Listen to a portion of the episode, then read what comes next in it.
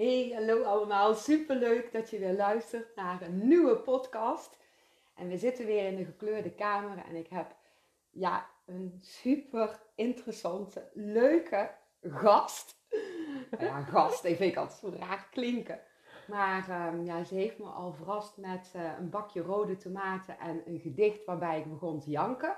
Op deze vroege ochtend. dus ik ben al helemaal geraakt. En ehm, ja, lieve Heidi, wil jij eventjes een stukje over jezelf vertellen? En ik weet begot niet waar onze podcast uh, naartoe gaat. Nou ja, ik heb wel een, een, een ideetje. Maar um, misschien, um, ja, kun jij een stukje gaan vertellen en het wijst zich vanzelf? Ja, ja, precies. Ik heb me ook niet voorbereid en uh, ik heb zoiets, het, het stroomt wel. Ja, ja. geloof ik ook altijd in. Ja. ja. ja. Nou, goed. Uh, mijn naam is uh, Heidi van den Hout. En als je nou ja, zegt van wie ben ik of wat doe ik of waar ik mee wil beginnen, ik hou heel erg van het leven. En echt het volle leven leven. Ook al is het niet altijd even, even gemakkelijk. Ik woon in Best en ik heb twee geweldige meiden. Ik ben gescheiden. Wat meerdere verliezen in mijn leven meegemaakt. En ja, weet je, ik, ik zeg altijd: niets is zo identiteitsmakend als verlies. Dus het heeft er ook wel voor gezorgd wat ik doe, wat ik nu doe in mijn leven. Ja, en, ja dat. Ja, je hebt best een, een pittig verlies meegemaakt. Ja. En um, ja, zou je daar een stukje over willen vertellen? Ja. Dat gaat uh, al een aantal jaar geleden gaat dat terug. Ik was getrouwd met, met John. En wij hadden net een, een dochtertje. en ehm, John werd ziek. Hij kreeg ja, wat, wat, wat blauwe plekken en wat, wat rode puntjes. En, normaal ga je er eigenlijk niet echt mee naar een dokter, maar het voelde voor hem niet goed en voor mij niet goed. Um, toen heeft hij bloed laten prikken en toen bleek dat dat niet goed was. Uh, er was een, een ja, verdenking op leukemie. Uh, John moest toen worden opgenomen in het ziekenhuis. En, en ja, weet je, John was eigenlijk een hele gezonde vent. Die gaf voetbaltraining, altijd gevoetbald. Uh, gewoon ook, ook midden in het leven staan. En ja, als aan het genieten hè, van onze dochter, hè, die toen nog heel erg klein was. Dus het kwam echt als, ja, wat ze dan wel eens zeggen, hè, als een donderslag bij heldere hemel. Ja, en het was je grote liefde het ook, was mijn hè? grote liefde. Wij, ik wist meteen, toen ik hem zag en hij mij, zo van, ja, weet je, we gaan oud worden met elkaar. Dat, dat, dat voelde echt zo. Ja. Um, maar goed, hij werd dus opgenomen in het ziekenhuis. En de dag daarna zeiden ze van, uh, goh, we, we, moeten naar een nog meer gespecialiseerd centrum. Uh, want het is echt niet uh, oké, okay, maar we, weten, we kunnen er niet precies de vinger op leggen wat het is. Um, dus toen kwamen we in, uh, in Hasselt terecht. En eigenlijk moest hij de dag daarna al in quarantaine. Omdat ze toch, ja, ze, leukemie, was toch wel een, nog steeds wel een, een optie. Um, en daarom moest hij wel in, in quarantaine. Gelukkig hebben mijn zussen toen nog Anne, hè, zo heet uh, onze dochter, Anne gebracht. En heeft hij Anne ook nog voor de laatste keer kunnen vasthouden. Want daarna kwam je eigenlijk gewoon achter een, ja, achter een, achter een scherm. Hè, dus, dus wij mochten niet meer fysiek contact hebben met, met elkaar. daar kwamen nog meer onderzoeken bij. Uiteindelijk bleek dat hij aplastische anemie had. En aplastische anemie betekent eigenlijk dat zijn beenmerg gestopt was met werken. Dus hij had geen rode en witte bloedcellen meer, geen bloedplaatjes meer. Um, uiteindelijk is hij precies drie weken nadat hij, hij, naar de huisarts ging om zijn bloed te prikken, is hij overleden. En uh, ja, dat, dat ging eigenlijk hè, ook achteraf gezien mega snel. En um, ja, dus ik was eigenlijk in hetzelfde jaar dat Anne uh, werd geboren. Dat was in het begin van het jaar. En op het eind van het jaar waren we ook met z'n... Want in het begin van het jaar waren John en ik met z'n tweeën. En werd Anne geboren. En aan het eind van het jaar overleed uh, John. En was ik met, met Anne. weet je, gewoon nog midden in het leven. Eigenlijk nog wat aan het ontzwangeren. allerlei plannen voor de toekomst. En, en pas boom, ja, was er in één keer het overlijden van John. Super heftig. Ja. ja. ja. ja. En hoe heb je daar ervaren dat je ja, achter het scherm eigenlijk ja, ja, afscheid moest nemen? Ja. Tenminste, zoals ik het begrijp. Ja. Ja, weet je, wat, wat ik merkte ook ten tijde van corona, hè, want dat was, in corona was eigenlijk ook van, hè, weet je, dat je geen fysiek contact mocht hebben en op afstand en met mondkapjes. Uh, dus bij mij ging coronatijd ook, ja, ik zeg wel eens ook in, in mijn vak, hè, hier en nu, ja, terug naar toen en daar. Hè, ik ging ook weer naar de tijd terug dat, ik, dat er bij ons een deur tussen was en dat uh, John ook steeds zieker werd door de behandelingen. Dus dat er ook überhaupt minder contact uh, was. Um, en ik, ik heb daar wel uh, geleerd, hè, dus als ik er zo nu op terugkijk, hoe belangrijk echte verbinding is en echt het contact kunnen aangaan en ook uh, elkaar kunnen vasthouden.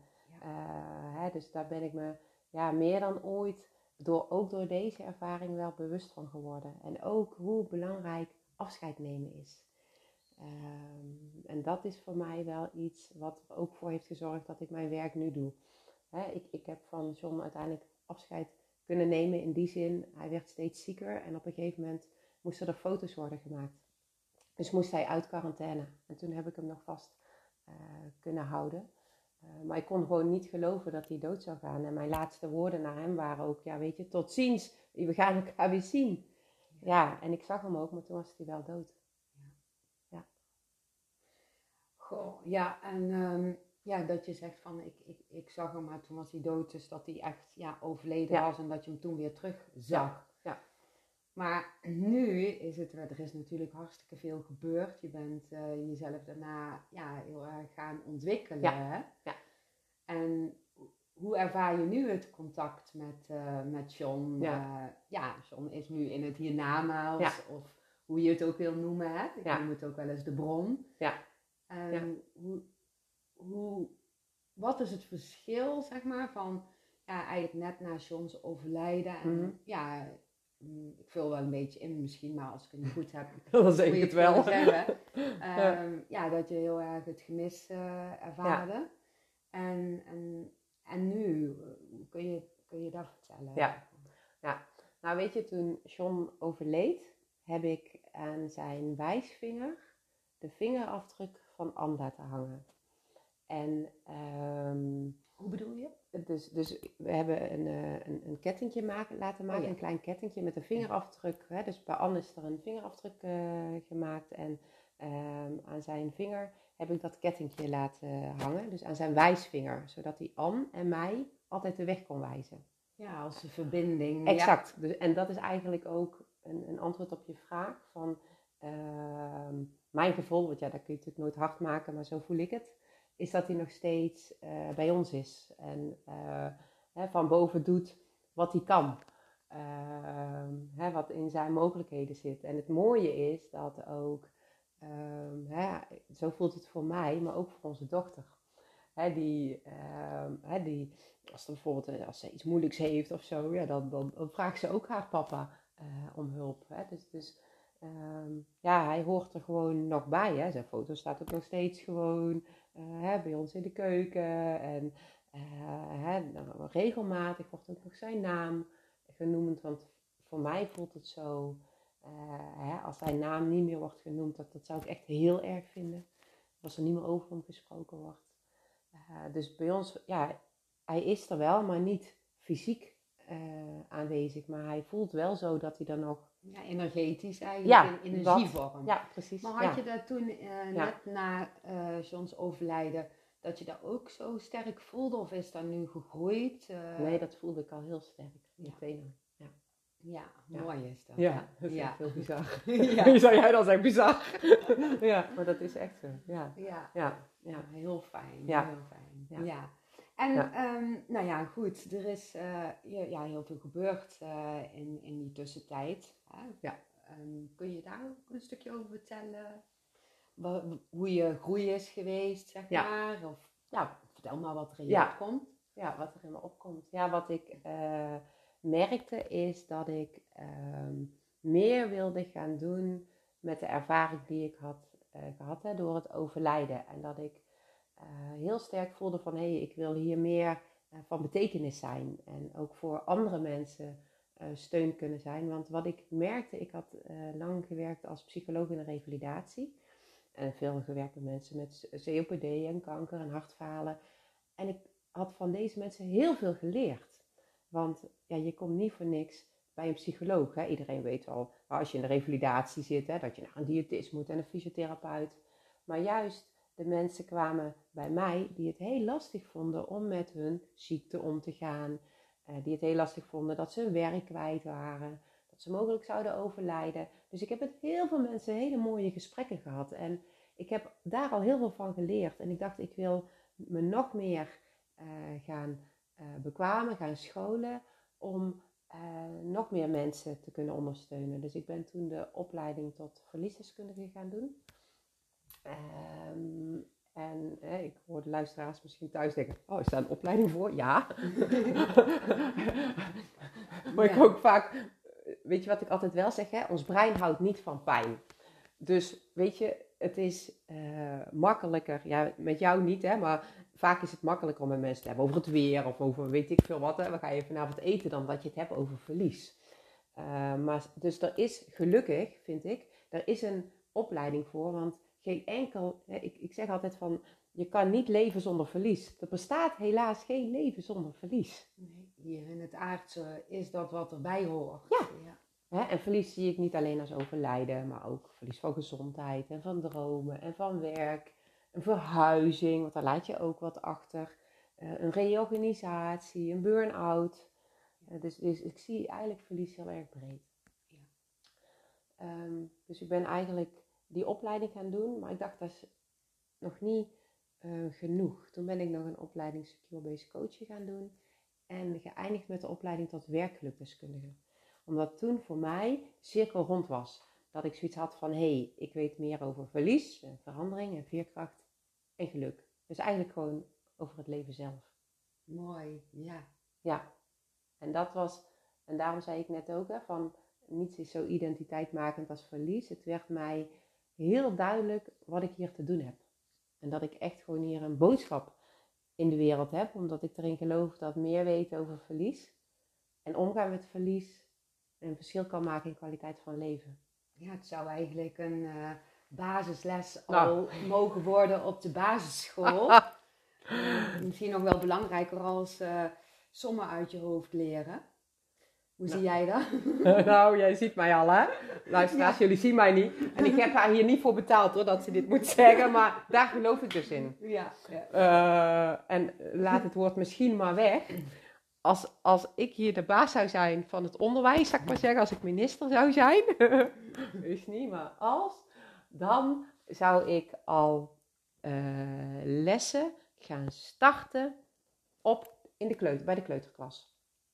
Over uh, uh, verlies, over geluk, dat ze emoties, hè, wat nou emoties zijn en, en hoe je nou hulp kan vragen, hoe je je kwetsbaar kan opstellen. Echt.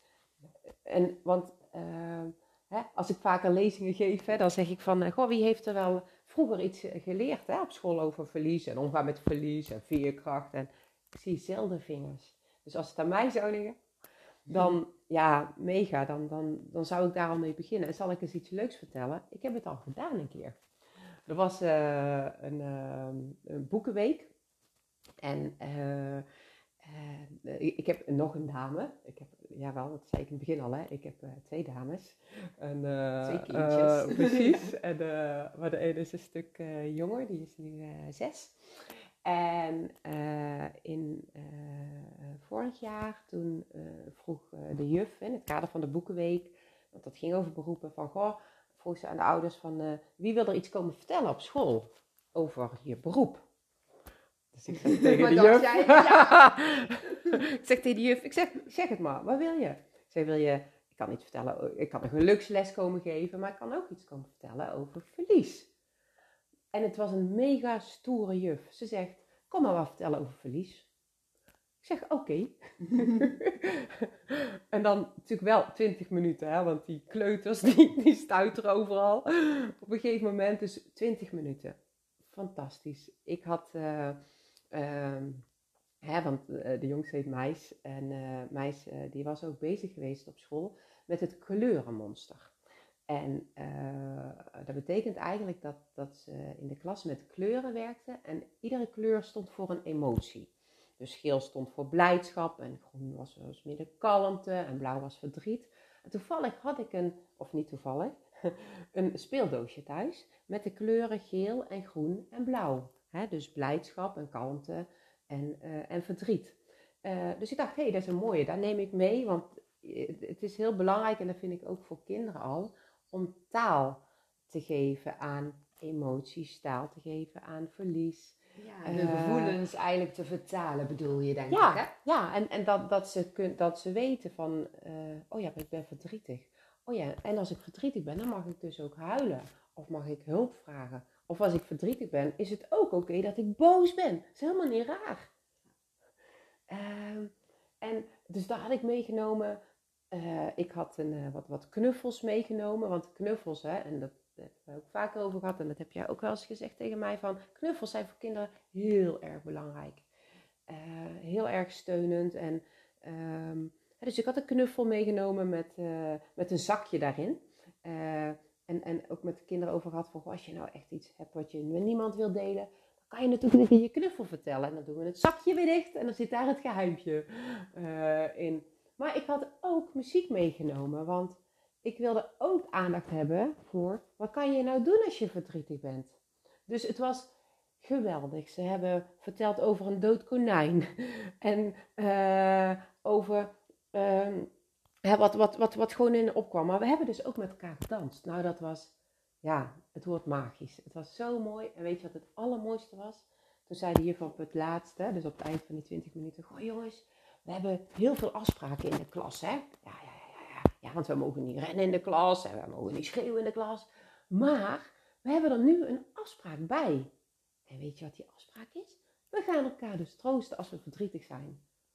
Nou, ik zweefde naar huis. Wat mooi, ja. ja. En zo voelbaar, hè? Dat ja. het zo, ja, over, zo mooi over is gekomen. Ja. Dat voel je dan ook meteen. Exact. Ik geloof ook wel dat dat komt omdat je er uit zoveel ja, passie vertelt vanuit het diepste van je ziel, omdat het ja. ook wel een, een soort van ja, zielsdoel, missie is om ja, ja. Um, ja, mensen en kinderen bewust te maken. Ja.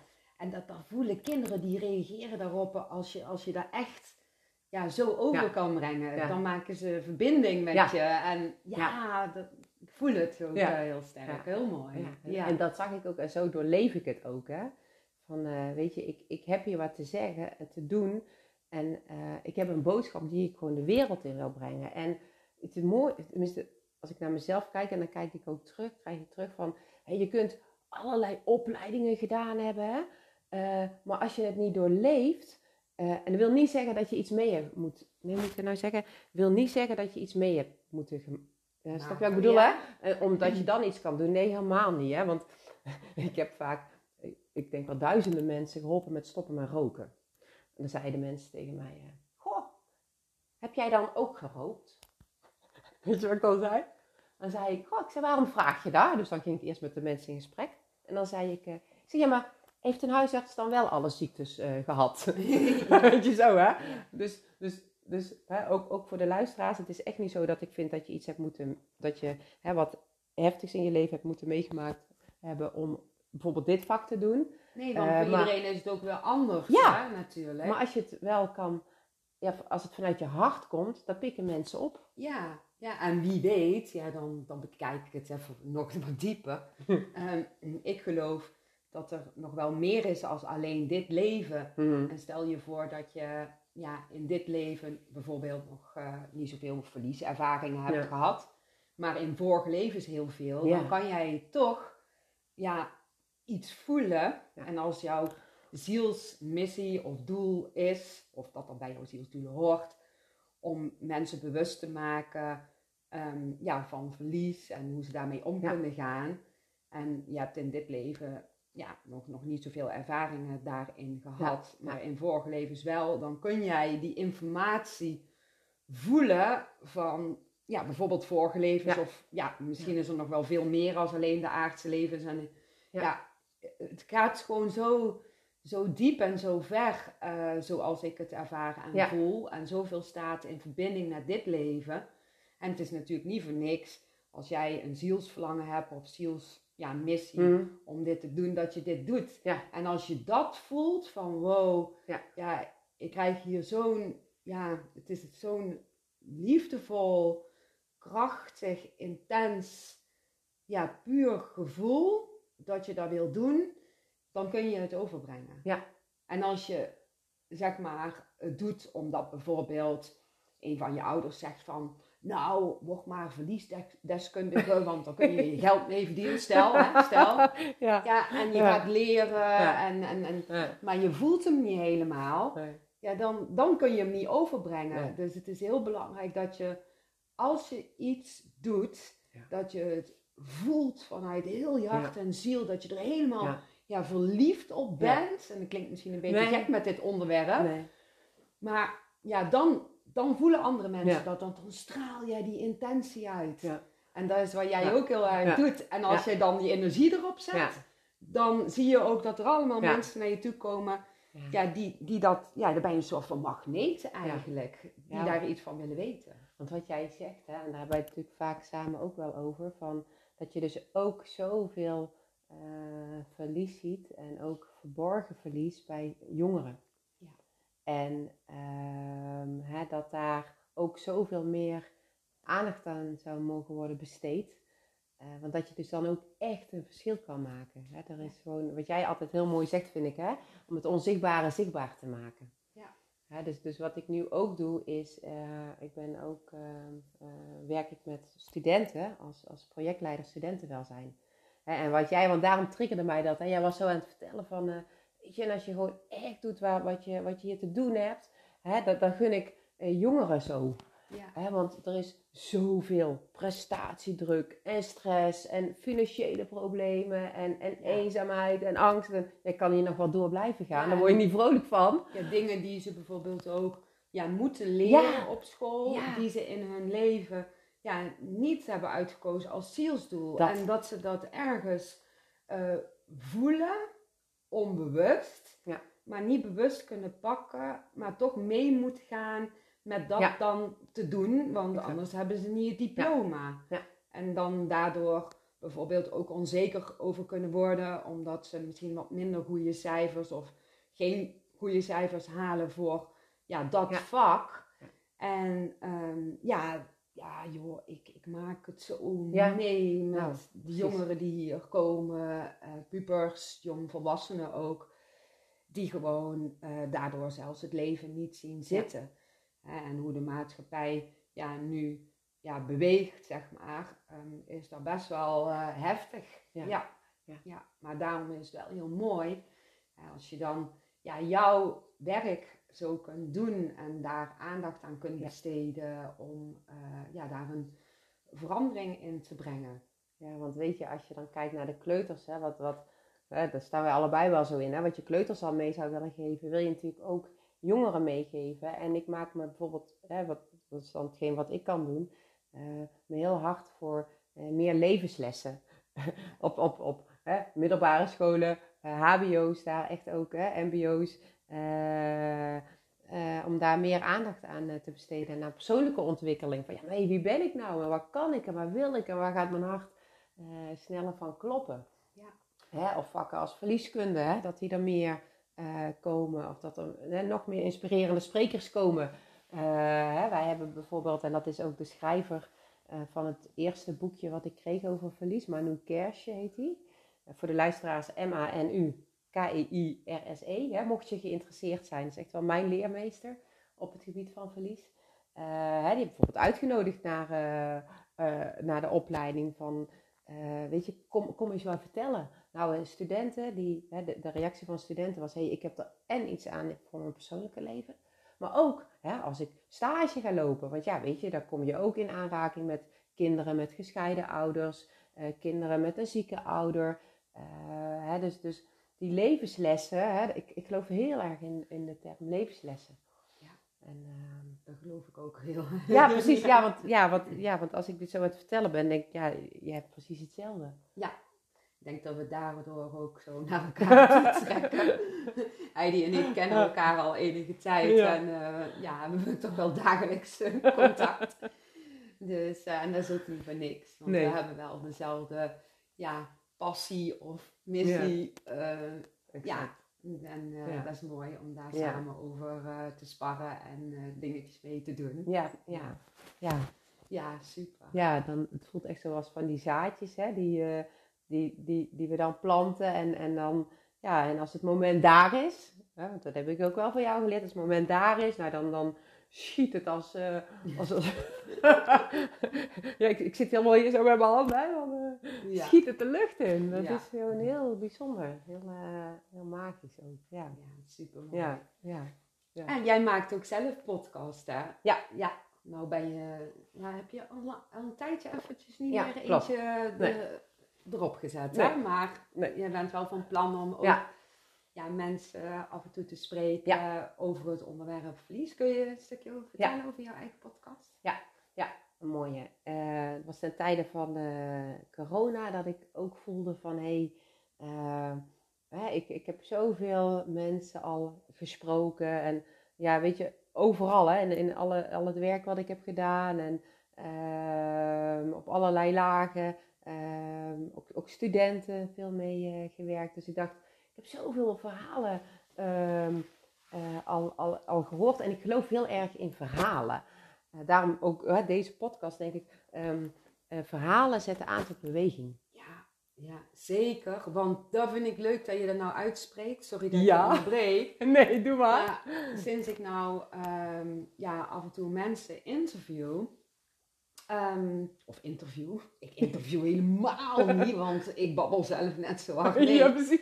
maar in ieder geval gesprekken heb Ja. met mensen in de podcast, ehm, ja, merk ik zeg maar dat ik daarna ook reacties krijg weer van andere mensen, die dan diegene ook weer opzoeken. En dat Oh, is zo mooi, die verbinding, Ja. hè, Ja. dat, dat, dat mensen elkaar daardoor Ja. vinden. Ja. Dat vind ik Ja. dan super vet gaaf. En dat daardoor ook weer iets moois uit kan ontstaan. Ja. Dus het is ook ja, een verbindingsfactor of zo, Ja. kom ik Ja. nou ineens achter. Ja, mooi hè? Ja, en jij bent ook zo van die verbinding eh, maken. Jij kan heel goed ook mensen met elkaar weer verbinden. Ja. Daar ben je ook zo goed in. Ja, Maar vind ik daar leuk. ik even, sorry. Nee, nee, nee, nee, nee. Nee, want dit vind ik gezellig. ja, ja, maar daar, want dat, hè, dus, dus die verhalen, hè, dat is die beweging die dan op gang komt. En verhalen raken ook. Weet je, als ik ergens zit en iemand vertelt wat en het, het raakt me niet, dan ben ik daarna een uur vergeten. Ja, ja. En, eh, Ik misschien nog wel sneller.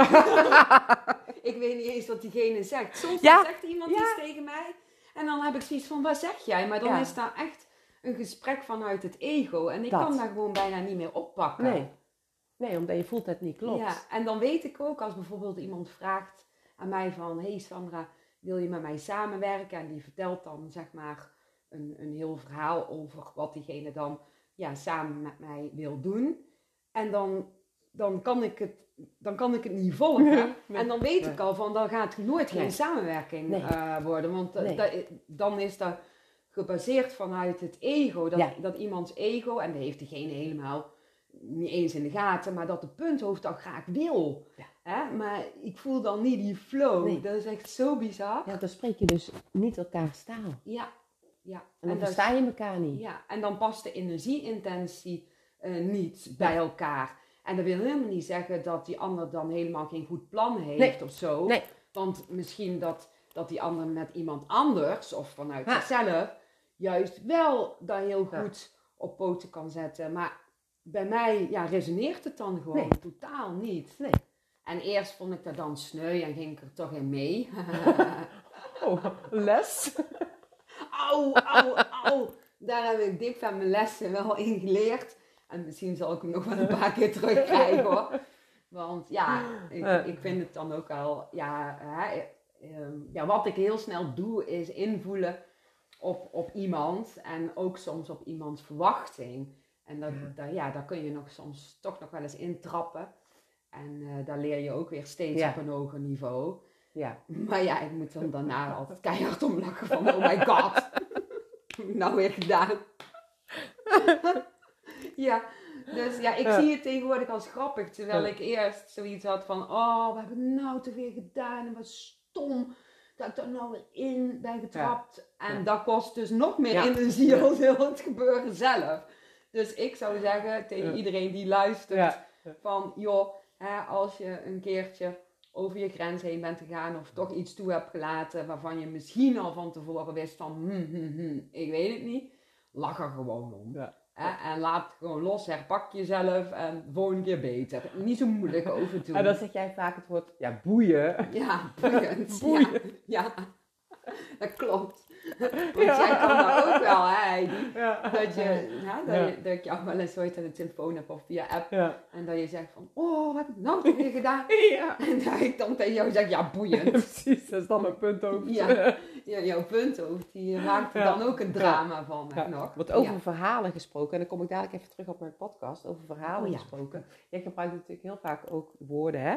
Punthoofd en goed planhoofd en eh, rode tomaten. Groene tomaten. Ik heb ze zelfs meegenomen. Ja, ja, ja, ja, ja. En, en wat ik dus merk, hè, dus dat ik eh, die woorden overneem, omdat ze zo, ze zijn zo pakkend, ze zijn heel gericht, to the point, en iedereen snapt het. Dus ik praat nou met mensen en dan hoor ik eh, mensen terug, of andere mensen weer terug, die ik niet gesproken heb. En die hebben het over rode tomaten en over punthoofd. Dus wat in jouw brein en in jouw hoofd is eh, begonnen, hè, zo'n zo'n verhaal, zo'n Ja, termen. Ik geloof niet dat, dat het in mijn brein Of is ja, in je hoofd of in je hart. eh, Ik, ik, dit is eh, heel raar. Het lijkt net of dat zo'n zo metafoor niet eens van mij is. hm. Want dan ben ik bijvoorbeeld Hmm. aan het schrijven over intuïtie. En eh, dan, dan, dan schrijf ik gewoon wat in me opkomt. En er zit helemaal vol foute, verkeerde zinsindelingen. En de ene zin die moet vooraan, maar die staat achteraan. Maar ik schrijf gewoon door. Mijn punthoofd ligt in de hangmat. En dan ga ik het daarna, als ik klaar ben, en dan heb ik ineens heel veel geschreven in een hele korte tijd, ga ik het lezen en even goed zetten en er wat foutjes eruit halen. En dan heb ik zoiets van, wow, dat is interessant. En dan vraag ik eigenlijk aan de bron van, Ah. kunnen jullie me alsjeblieft een leuke metafoor geven, zodat iedereen het kan begrijpen? Ah, en mooi. Toen kreeg ik bijvoorbeeld een metafoor van dat de bron de bibliotheek is, het Ja. grote deel ziel, het Ja. boek. En hier zitten bladzijden. Ja. en dat was echt gaaf. Prachtig. En, en laatst had ik ook een, eh, een consultje met iemand. En toen hadden we het over het eh, punthoofd en het goed planhoofd.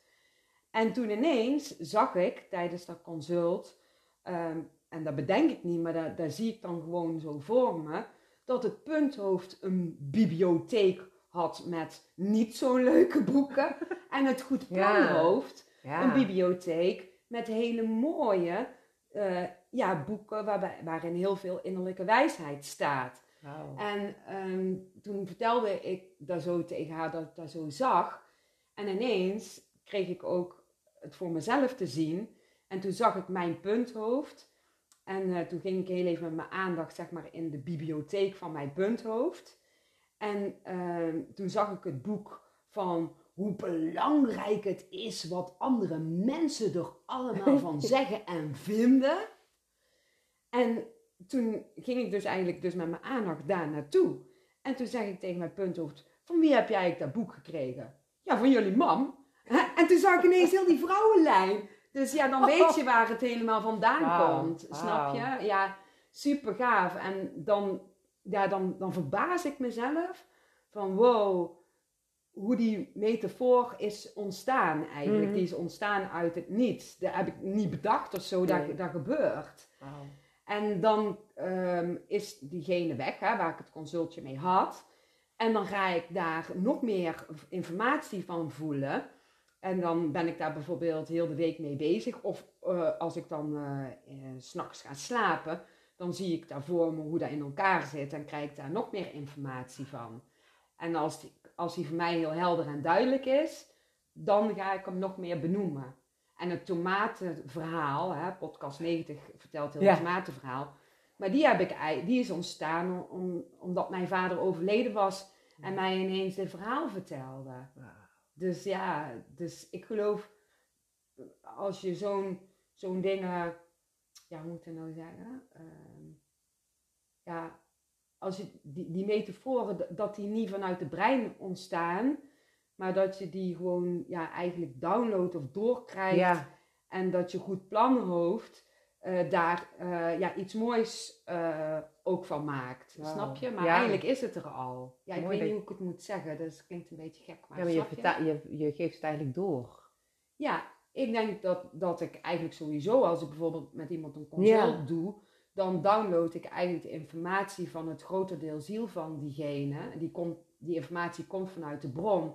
Ik stem me af op de energieintentie van de ander. En ik voel en ik vertel. Ja. Maar ik bedenk eigenlijk niks. Nee. Soms hoor ik mijn punthoofd wel eens zeggen. Dan komt hij uit zijn hangmatje. en dan zegt hij, wat zeg jij nou allemaal weer? Want dan kan diegene echt niet volgen.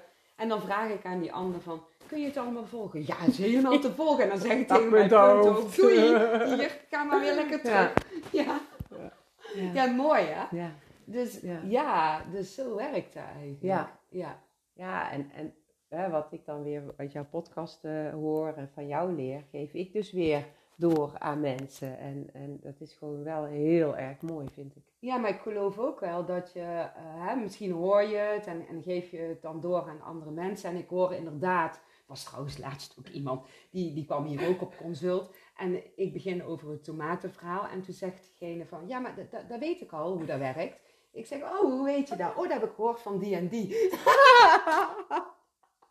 Ja, dat bedoel ik. Keihard lachen. Ja, maar wat wou ik eigenlijk zeggen? Spread the Ik word. weet niet meer wat ik wilde zeggen. Maar het is, oh ja, ja dat jij het eh, ja, dan ook, ook doorvertelt. Ja, Maar jij doet het weer met jou, jou, jouw eigen, op jouw eigen manier. Ja. En ook dat krijg jij dan eh, weer door. Ja. maar ik, ik weet niet, ik heb niet het gevoel dat ik de bedenker ben. nee. Maar dat ik hem gewoon door, door, door me heen heb gevoeld en van daaruit ineens ja. ja, vertel. Ja, maar hoe mooi is dat er zoveel mensen daar wat aan hebben en mee kunnen werken. Ja, dat vind ik ook Ja. super vet gaaf. Dat is zo. Ja. En, en het, wat ik merk als ik dan dingen uitleg, dan oh, is het daar zo? Oh ja. Weet je, dus het, het, het, het verlicht mensen ook. Ja, en dat het ook gewoon zo simpel is. Zo eenvoudig. Want kijk, net zoals het eh, goed planhoofd en het punthoofd verhaal. Is eigenlijk een heel simpel verhaal. Daar zou Ja. ik in vijf minuutjes eigenlijk uit kunnen leggen. Ja. Maar er is zijn genoeg boeken over. Ja. eh, die super dik zijn. En met allemaal hele ingewikkelde woorden. Waarbij, ja, je niet zo goed, ja tenminste, Nee. dat merk ik. Ja, of je moet heel intelligent zijn en heel erg van die moeilijke woorden houden. Dan is dat boek wel goed voor je natuurlijk. Maar mensen die van simpele taal houden en die lezen dat boek, die snappen het nog niet. Nee. Want het is veel te veel. Ja. En ja, daarom hou ik heel erg van die eenvoud. Maar die werkt. Ja, die werkt, tenminste merk ik wel Dat vind ik. Vind ik. Ja, vind ik Ja, ook. voor mensen. Ja. Ja. Of je moet echt iemand zijn die ja, heel erg geïnteresseerd is, is in juist het, Ja. het eh, ingewikkelde en eh, de moeilijke taal. Hè? Die mensen heb je natuurlijk ook. Maar ja. Die mensen die komen niet zoveel op mijn pad. En als ze op mijn pad komen, daar heb ik wel eens ooit, ja, meerdere keren trouwens wel gehad, dat dan hier iemand komt die dan echt eh, ja, een, een woordenboek heeft met allemaal hele moeilijke woorden, tenminste in, in zijn of haar hoofd, ehm, die, die ik helemaal niet ken. En dat ik dan ineens een moeilijk woord zeg, waarvan mijn punthoofd zegt, die ga jij niet goed uitspreken, maar ik voel het woord. En ik weet wel wat het betekent. En Ja. meestal spreken we hem ook niet helemaal goed uit, maar diegene die moet dan lachen en weet wel Ja. precies wat het betekent. Ja. Dat vind ik dan ook wel weer zo gaaf, gaaf hè? En als jij zo aan het vertellen bent waar, waar ik geleerd heb om gewoon duidelijk te communiceren, is in de long- en longrevalidatie, kankerrevalidatie. Want het maakt niet uit, een chronische aandoening maakt geen onderscheid. Hè? Dus ik, ik werkte met mensen die niet konden lezen en schrijven, hè, tot notarissen. En Ja. Ehm, daar heb ik echt geleerd om gewoon duidelijk eh, te communiceren. Dat iedereen het snapt. Hè. Ik, sowieso vind ik altijd belangrijk om iedereen in te sluiten. Hè. Als ik een verhaal vertel of ik, of ik hè, mag een workshop geven. Ik wil iedereen het gevoel geven dat hij welkom is. Iedereen. Ja, ja ik ehm, ehm, eerst, hoe het eerst was, dat is jaren geleden, als er dan bijvoorbeeld iemand op mijn pad kwam die dus heel goed had gestudeerd en een hele ingewikkelde taal gebruikte. Of ja, iemand die ja, heel veel, hoe noem je zoiets? Uh, ja, hè, ehm, dus, dus heel, heel veel aardse wijsheid uh, ja, bezat, bezit. uh, dan um, voelde ik me eigenlijk daar altijd zo ongemakkelijk mm. bij. Zoals ik, alsof dat ik dan zo'n klein meisje was. Mm.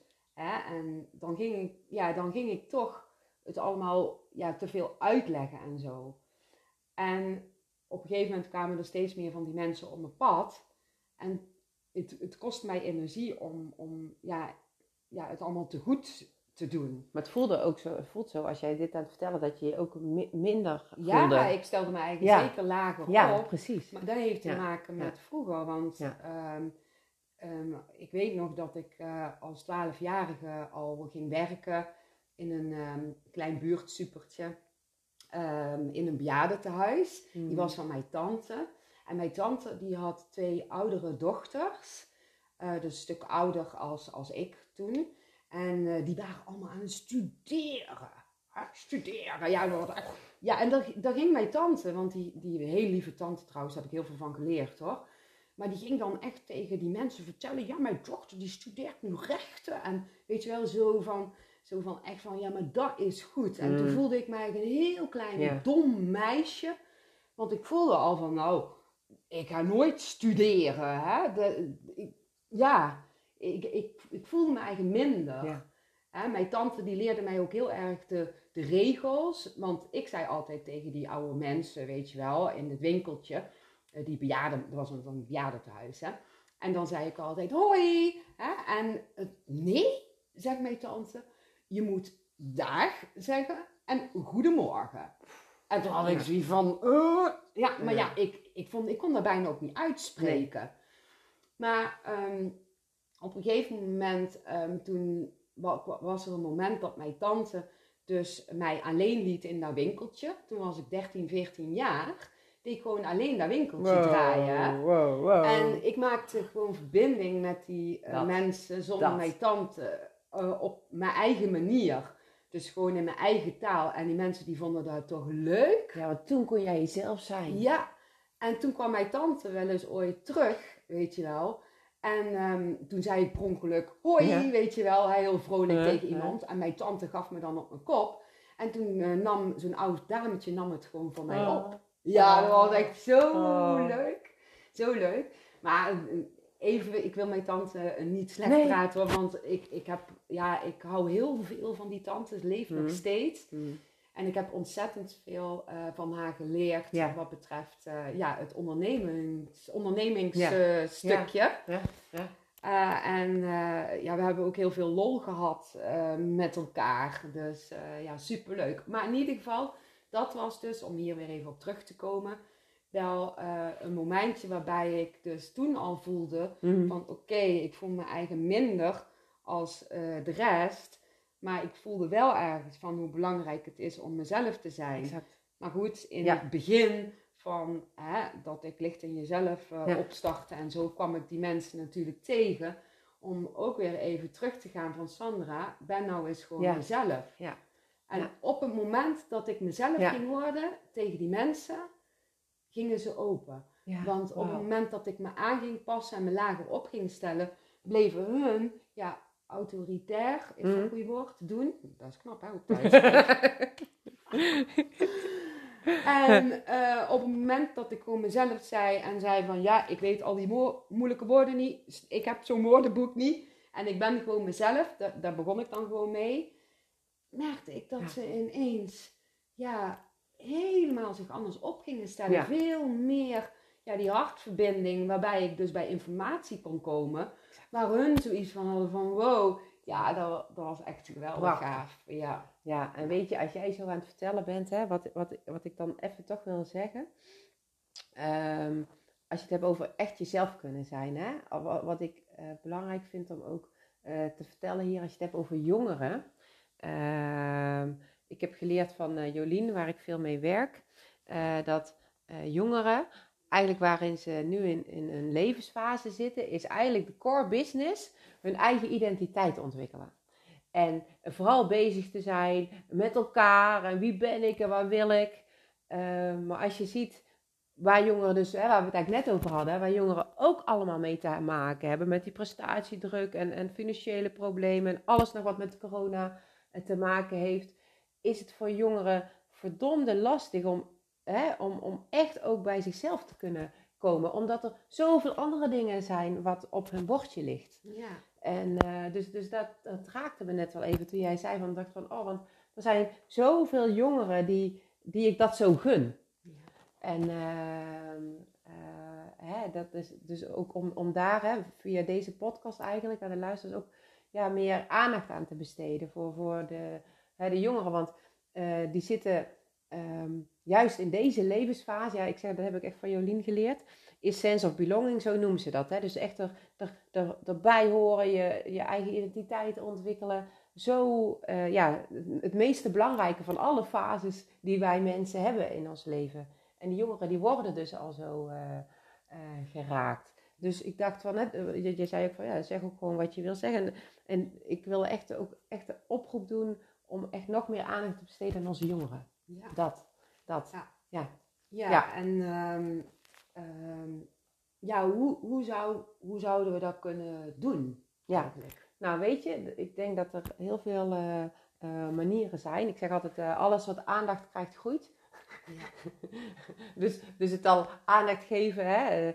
Uh, studenten zien, horen, uh, met studenten, uh, jongeren in, gewoon in gesprek gaan. Hey, van, hoe is het nou echt met jou? En niet van hoe is het, hoe is het? Nee, echt de, ben nieuwsgierig. Ja, tijd voor nemen en zonder oordeel. Hè? Dat zei jij net ook al van hè, met, met jouw tante. Je hebt daar geen oordeel over. Dat, dat, zo, zo is jouw tante zonder oordeel. Hè? En, en dat denk ik dat wij ook kunnen gewoon meer luisteren van zonder oordeel en één vraag in ons hoofd hebben. Wat wil de andere mij nou vertellen? Ja. Dat. En, en kijken van, hè, kunnen we meer ook op scholen aandacht besteden aan onze jongeren? Hè, in scholen, eh, lagere, middelbare, kunnen we ze meer geven, meegeven van hoe je, uh, je, je, je persoonlijkheid meer kan ontwikkelen. Hoe je kan omgaan met tegenslagen. Hoe je nog veerkrachtiger kan worden, wat verliezen zijn. Um, wat, hè, dus ik zou, ik zou iedereen kunnen, hè, punthoofd, goed planhoofd, weet je. Hoe zit het in uh, elkaar? Hoe zit het allemaal in elkaar? Want we, ik, ik zeg altijd heel simpel, hè, zeg ik wel. De, uh, als je in de ICT werkt, dan uh, is jouw laptop, dat is jouw werkinstrument. En hopelijk, hè, iedere dag doet het. Maar vaak in beroepen hè, waar je werkt met andere mensen, en of je dan advocaat bent, of je uh, je werkt in een apotheek of je, je, je maakt schoon. Je komt altijd in contact met andere mensen. Dus je bent je eigen instrument. En als ik even een hele klote dag heb of iets anders, ja, ik heb wel met mensen te werken. En uh, hoe handig en hoe belangrijk is het dan dat je weet wel, hé, hey, dit is mijn gebruiksaanwijzingen. Zo zit ik in elkaar. En zo kan ik wel weer een stukje leiderschap nemen, ook over mijn eigen leven. En uh, dus ik gun eigenlijk iedereen, en dus ook jongeren, juist jongeren ook, dat er meer aandacht komt voor hun persoonlijke ontwikkeling. En, en omdat ze zo hun eigen instrument zijn, waarin in een wereld vol veranderingen, vol veranderingen, grote veranderingen, grote crisissen, kleine veranderingen, maar wel heel veel veranderingen. En dan kom je weer terug op, op het stukje verlies, want verlies heeft te maken met afscheid nemen van het oude en het nieuwe weer verwelkomen. Dus dat zegt alles over veranderingen. En dan terug naar die podcast, hè, want daar, daar was jouw vraag. ja, ik had hem echt geparkeerd. Ja. uh, ik ben die gaan maken omdat ik zoiets had van, hè, wat ik uh, zojuist zei van, uh, ik wil verhalen gaan delen. Nou, en eigenlijk wat jij nou ook doet, hè. en toen dacht ik, ja, maar ik wil ik wil drie dingen. ik wil drie soorten podcasten. Ik wil een podcast over als onderwerp rauwe rouw. En rauwe rouw. Eh, de eerste met AU en de tweede met OU.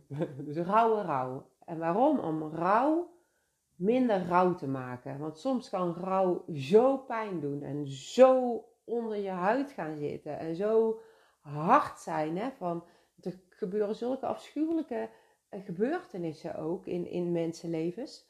En uh, rauwe rouw wordt minder rauw als je er meer over weet. Ja. En over praat. En over praat. En je kwetsbaar kan opstellen en hulp kan vragen. Dus daar heb ik een podcastserie aan gewijd. En toen dacht ik, ja, verlies op school. Ja, goed, daar hebben wij het eigenlijk nu ook al over. Hè? Van, uh, hoe, hoe kun je gewoon van jongs af aan kinderen al woorden meegeven, uh, betekenissen meegeven. Um, maar bij Verlies op School, bij die podcastserie, heb ik ook bijvoorbeeld uh, iemand uitgenodigd die betrokken was in Os. Uh, dat gaat een paar jaar terug. Dat was dat stintongeluk, waar een paar kinderen ook zijn overleden. Hè, dus toen kwam er in één keer een ramp op een school. En ik heb die man, hè, die toen directeur was, ook uitgenodigd. Van joh, hè, zou je nog eens willen vertellen wat er allemaal gebeurde? Maar vooral ook wat je daarop hebt gedaan en wat heeft geholpen en niet. Want zo'n ramp, dat kan iedere school overkomen. En is het niet met een ongeluk, dan is het met een overlijden. Dan is het met een suïcide, hè, waar, waar ik ook echt zo aandacht voor wil vragen. Omdat dat zo'n taboe is. En eigenlijk een taboe in het kwadraat. Dus dus in, in die podcast heb ik ook uh, meerdere mensen uitgenodigd die ook hun verhaal kunnen delen als er een verlies uh, was op een school. En ik had een derde podcast, en dat vind ik ook heel belangrijk. Een podcastserie Verlies op het werk. Want uh, het gebeurt helaas overal in iedere werksituatie dat een collega kanker krijgt. Dat een collega overlijdt. Dat er misschien sprake is van suïcide. Maar ook hè, dat er een, uh, een reorganisatie is. En, en, en dat er een paar mensen worden ontslagen. En hoe dan verder? Hè, dus dat is ook vanuit het verlies in het hele, ja, in de brede zin van het woord, zeg ik dan. Uh, dus op, op het werk is ook heel veel uh, verlies. En hè, bij, in mijn bedrijf, Bron van Betekenis, begeleid ik bijvoorbeeld ook mensen die oftewel met een verlies te maken hebben, of uh, preventief. Um, hè, maar gaat het altijd wel over een verlies en hoe ga je daarmee om in de werksituatie? En dan begeleid ik individuen, maar ook wel eens teams of een manager.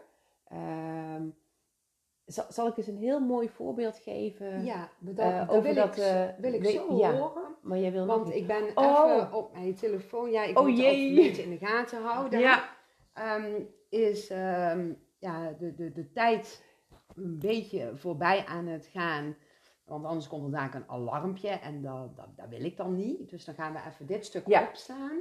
En dan gaan wij zo meteen verder. Ja. Dus we komen zo terug. Nou, dag luisteraars. Tot zo. Ja, en dan heb ik niet in de gaten dat we oh. eruit gaan, dus dat is oh, ja. leuk. Ja, natuurlijk. Ja, daar zijn we weer. Ja. En uh, ja, Heidi, waar waren we gebleven? Jij weet het nog, hè? Ja, ik had het net over dat ik wel graag een voorbeeld wilde geven. En het voorbeeld heeft te maken met waarin ik uh, geloof. Hè? Dus dat er dat meer weten over verlies en omgaan met verlies een verschil kan maken in kwaliteit van leven. Ja. Wacht heel eventjes, ja? sorry, want jouw oortje doe ik even goed. Ja, jouw microfoontje bedoel ik. Zo, want anders is het geluid iets minder, denk ik. Maar dat weet ik niet zeker. Ja, zo is het. Zo goed? Oké, okay, ja, okay. ja. Ik um, heb ook uh, het vak verlieskunde uh, gegeven aan uh, studenten. En als ik dan begon, dan zei ik altijd van ja, maar waarom zitten jullie nou hier? Hè, waarom zit je niet bij een ander vak? Of als het lekker weer was, hè, zit je niet lekker buiten? Mm -hmm. Omdat ik het altijd heel belangrijk vond dat studenten ook echt vanuit een ja, interne motivatie bij mij zaten. En niet omdat ze moesten. Ja, Weet je wel, daar, hoor je, daar zei jij net ook zo mooi. Ja. Hè? Van, ze moeten van alles en dan leren ze van alles en waar ze straks helemaal niks meer mee doen. En dan pakken ze het ook niet. Hè? Nee, nee. Nee, dus ik gaf altijd een voorbeeld en dan zei ik van, uh, en het is ook echt gebeurd. Uh, het was in, uh, in België, daar zou een meisje een, een communie doen. Het was zondag. En dat meisje wilde eerst nog even naar de kapper. Ja, dat vond mama ook wel fijn als een meisje heel mooi eruit zou zien. En, dus papa zou met haar naar de, naar de kapper gaan. En onderweg krijgen ze een ongeluk. En het meisje overlijdt. Afschuwelijk, een ramp. Um, papa en mama helemaal ondaan. Moesten na zes weken weer aan het werk. De papa die werkte in een, een heel groot staalbedrijf, heel stoer, heel veel mannen. En hij komt daar de eerste dag weer, uh, weer aan. En uh, daar staat de directeur staat hem op te wachten. En hij dacht, oh jee, oh wat nu? En die directeur zegt, goh, wat zul jij dan het een en het ander hebben meegemaakt? Kom maar mee naar binnen. En de directeur die neemt die man mee uh, in zijn kantoor. En die zegt, ga maar eens zitten en vertel eens. Nou, die man begint te vertellen wat hij heeft meegemaakt en hoe afschuwelijk het was. Vertelt over zijn dochtertje. En dan zegt die man, zegt, weet je, ik heb uh, al jouw collega's geïnformeerd, die weten ervan. Tussen de middag um, heb ik een, uh, een, ruimte voor jou gereserveerd. Daar kun je uh, alleen lunchen met anderen. Kijk maar wat goed voelt. Wil jij eerder naar huis met werk, gaat het niet, is oké. Voel je een dag niet fijn, is oké. Die man die ging aan het werk. Die vrouw die werkte in de keuken van een palliatief centrum. een palliatief centrum is eigenlijk een centrum waar uh, veel uh, wordt gewerkt met mensen die gaan overlijden. Um, en, en, daar werkte de vrouw in de keuken. Nou, bij haar was hetzelfde. Die kok, hè, bij de, waar zij mee werkte, die stond daar op te wachten. En die zei, kom maar, ik heb uh, heel veel afwas nog laten staan van de afgelopen weken. En je kunt vooruit, begin maar uh, hoef je ook niet meer aan te denken. Die vrouw, en het zal jullie niet verbazen, ook luisteraars niet, die kwam niet meer terug op het werk. Die man, die is gewoon kunnen gaan werken. En is daar in dat staal, een grote staalbedrijf blijven werken. Wat was nou het verschil? Het verschil was één telefoontje van de huisarts. De huisarts van het echtpaar, die had gedacht, weet je wat, die man die daar zo uh, hè, in, dat, in dat stoere bedrijf werkt, weet je, ik bel de, de, de, de, de leidinggevende even op.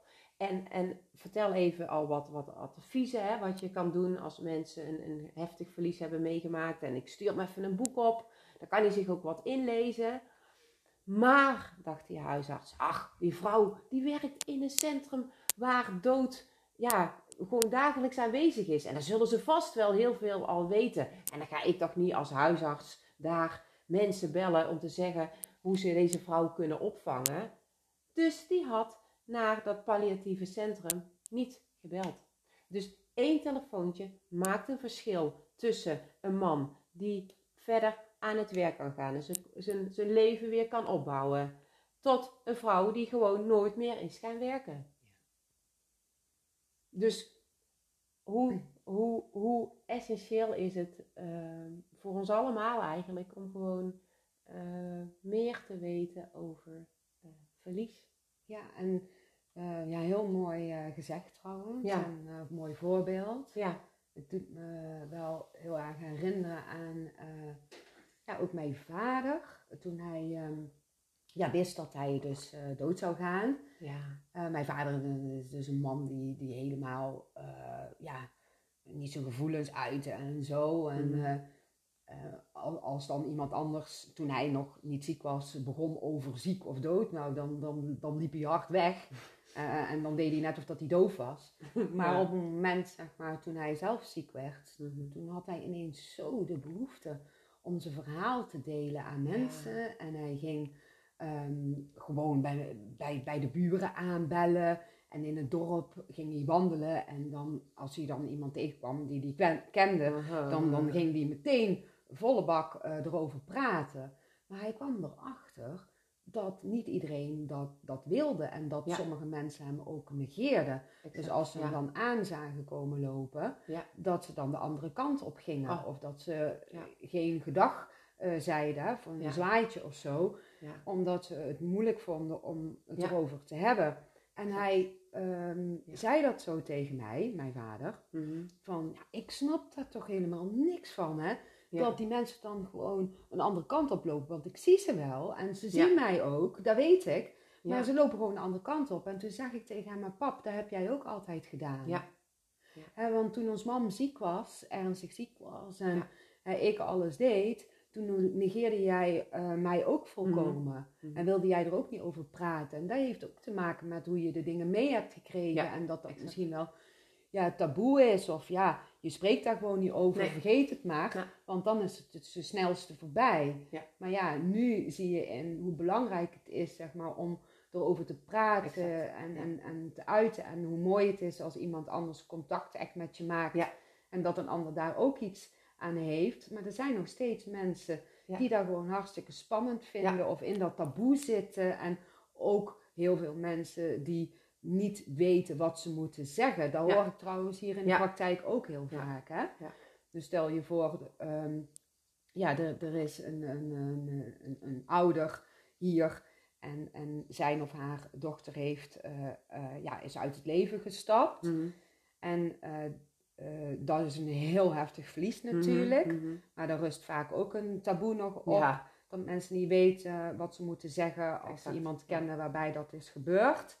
En dat hier zo'n vrouw of een man, hè, waar, dat, waar die dochter dan dus van is overleden, bijvoorbeeld. Hè, eh, dat, die, dat die dan zeggen van, maar ik heb gewoon echt een dubbel verlies. Ja. Want ik ver- ik verlies mijn dochter, maar ik verlies heel veel mensen ook om mij heen. Ja. Omdat ze gewoon ja, niet weten eigenlijk ja, wat ze moeten zeggen. Ja. En dat voelt dan als een dubbel verlies. En ehm, je ziet dan ook vaak, als er iets heftigs gebeurt, of vooral ook in verliessituaties, ehm, dat mensen die eerst wel bij je pasten, Mhm. ineens niet meer bij je passen. En dat je daardoor wel nieuwe mensen op je pad gaat krijgen, maar dat dat tijd kost en dat je dan in eerste instantie even heel erg in dat alleenstuk zit. En dat alleenstuk is, zoals ik het zie, ook ergens voor nodig om goed to the point te komen met Ja. jezelf. Ja. En verbinding te maken met jezelf. En in je kracht te gaan staan. En van daaruit trek jij mensen naar je toe die dan weer bij ja, die energie-intentie passen. Waarbij je ja, ehm, ja, vele andere gesprekken hebt als Mhm. eh, de mensen die Ja. je voorheen had. Ja. Want door een eh, verlieservaring eh, groei jij in jouw ontwikkeling. Hè? Dat, Ja. dat draagt heel erg bij aan jouw ja, persoonlijke ontwikkeling en groei en bewustwording. Ehm, de ene kan daarin heel snel gaan en de ander heel traag. Mhm. En dat is ook Mhm. oké, Ja. want dan wordt dat ook bij het proces. Maar als jij heel snel gaat in die bewustwording ineens, ja, dan zie je dus zeg maar dat ja, je dus ook een, een dubbel verlies krijgt dat andere mensen ja, jou loskoppelen. Of jij voelt van, hé, hey, maar ik kan geen verbinding maken met die persoon. En ja, jullie laten elkaar los. Ja. ja dat wil ik eigenlijk gewoon even delen. Ja, nee, maar dat is heel mooi, want eh, dat triggert mij weer om, om wat dingen, want dan gebeurt er weer van alles bij mij. Dan denk ik, oh ja, dus het is geweldig, ja, echt heel mooi wat je zegt. En ehm, wat ik daar dan weer op wil zeggen is een paar dingen hè, die dan in mijn hoofd zitten van wat, jij in, wat ik in het begin zei van ons brein houdt niet van pijn. Hè, dus, dus dat al, eh, hè, van hoe moeilijk en, en, en lastig het is om überhaupt over dit soort dingen eh, te praten, over verlies. En ehm, Ja, maar Hè, ook dat, dat- mensen zich, eh, dat mensen ook heel voorzichtig zijn om erover te praten, omdat ze bang zijn dat een ander gekwetst wordt. Precies, en, en, en daar wilde ik ook wat over zeggen. Eh, want als jij dan zo vertelt over jouw, jouw vader, hè, die, dan, die eerst ook hetzelfde had, hè, van, hè, want als je het er niet over hebt, is het er ook niet. Hè? Ja, Precies. dat is gewoon zo. Ja, Eh, maar dat je vader later ervaart van, hé, hey, ik wil het er wel over hebben, maar anderen vinden het heel lastig. Dat kan heel eenzaam voelen. Ja. Heel eenzaam. En eh, wat ik daaraan gedaan heb, ik heb studenten ook trainingen sociale vaardigheden gegeven. En dan zei ik tegen, dan, dan gaf ik ook altijd een voorbeeld. Hè? Wat jij nu bijvoorbeeld vertelt over jouw vader, hè? dan kan ik al voelen van, oh, hoe eenzaam is dat? En dan, hè, ik gebruikte dan altijd een voorbeeld van mezelf, van, eh, hè, dat ik dan hè, op, op mijn werk, hè, waar, waar ik toen werkte in de revalidatie, en dat inderdaad mensen mij ook negeerden en dat ik me zo eenzaam voelde. En, toen eh John was ja, overleden. toen John was overleden. Ja, Ja. ja, ja, en dat het allemaal uit goede bedoelingen is. Hè? Want mensen willen je vaak niet kwetsen. Of dan denken ze van, en dat hoor ik jou ook zeggen, van... Oh ja, maar als ik iets zeg, eh, gaat hij dan niet huilen? Of gaat zij dan eh, heel erg verdrietig worden? En dat mensen dan niks zeggen. En ik heb studenten echt uitgenodigd van... Goh, weet je, als jullie strak met andere mensen gaan werken... En je weet niet wat je moet zeggen, zeg het maar. Zeg maar gewoon... Goh, ik wil met je in gesprek, maar ik weet eigenlijk helemaal niet wat ik nou wil zeggen. Ja. Weet je, want dat is veel fijner dan dat je mensen negeert. Want dat kan zo, zo pijnlijk zijn. Ja. Uh, en dan wil ik ook aan de luisteraars thuis geven, meegeven. Hè? Dus, dus, want we herkennen, herkennen allemaal die situaties. Um, um, maar mijn advies zou zijn, dan, dan zeg maar gewoon letterlijk van... Goh, weet je, het is zo heftig. Ik weet echt niet wat ik moet zeggen. Uh, maar dan maak je wel ja. verbinding. Dan maak je verbinding. En dan ben je ook eerlijk. Ja. Want zo is het dan op dat moment als je dat zo voelt. Ja. Ja. Ja. dat je daar geen woorden voor hebt. Van, ja. Uh, dus, dus, dus dat wil ik wel uh, meegeven, ook aan de luisteraars thuis. Van, ga, ga het niet uit de weg, of ga iemand niet uit de weg die, die, die verdrietig is. Want juist dan hè, heb je zo andere mensen ook nodig. En, uh... Ja, de meeste mensen wel, maar er zijn ook mensen die gewoon even dan, tenminste zo ervaar ik het, mm. even in dat alleen stukje willen zitten. De, je voelt dat wel, hè? als je dan hè, iemand um, hebt die dus een enorme verlies heeft gehad, dat je dan um, hè, kunt, kunt zeggen van joh, hè, goh, ik weet even niet wat ik moet zeggen, ik vind het zo ja, heftig. En dan voel jij wel of dat iemand open staat voor een gesprek. Ja. Dat, dat kun je voelen aan de energieintentie. Ja. Als je een beetje weerstand voelt, dan zou je bijvoorbeeld kunnen zeggen van joh, hè, als je, ik, ik ben er voor mhm. je. Hè, en uh, als je het fijn vindt dat ik af en toe een berichtje stuur of even contact opneem, geef het aan. Hè, maar, maar als je dat niet wil, ook oké. Okay. Dus dat je um, ja, en, en als je voelt van oké, iemand gaat praten, iemand gaat echt met jou in gesprek erover en deelt het verhaal, dan krijg je beide ook er energie van. En dan is het ook gewoon oké, weet je. Dat, ja, dat. Want ja, sommige mensen die vinden het juist ook fijn om even alleen te zijn en niet te veel mensen allemaal om zich heen te hebben. Dat zie je trouwens ook bij stervende mensen. Hè? Ja. Uh, dan dan, dan is het ook vaak zo dat ehm, eh, de stervende persoon ehm, ja, de rust wil en echt de juiste mensen om zich heen wil. Uh, en dat kan zijn dat dat misschien de buurvrouw is, omdat hij of zij daar een hele sterke band mee had. Terwijl diegene misschien helemaal geen zin heeft in zijn tweelingbroer of zo. Mm. Ja, dat klinkt even heel nee. heftig. Mm.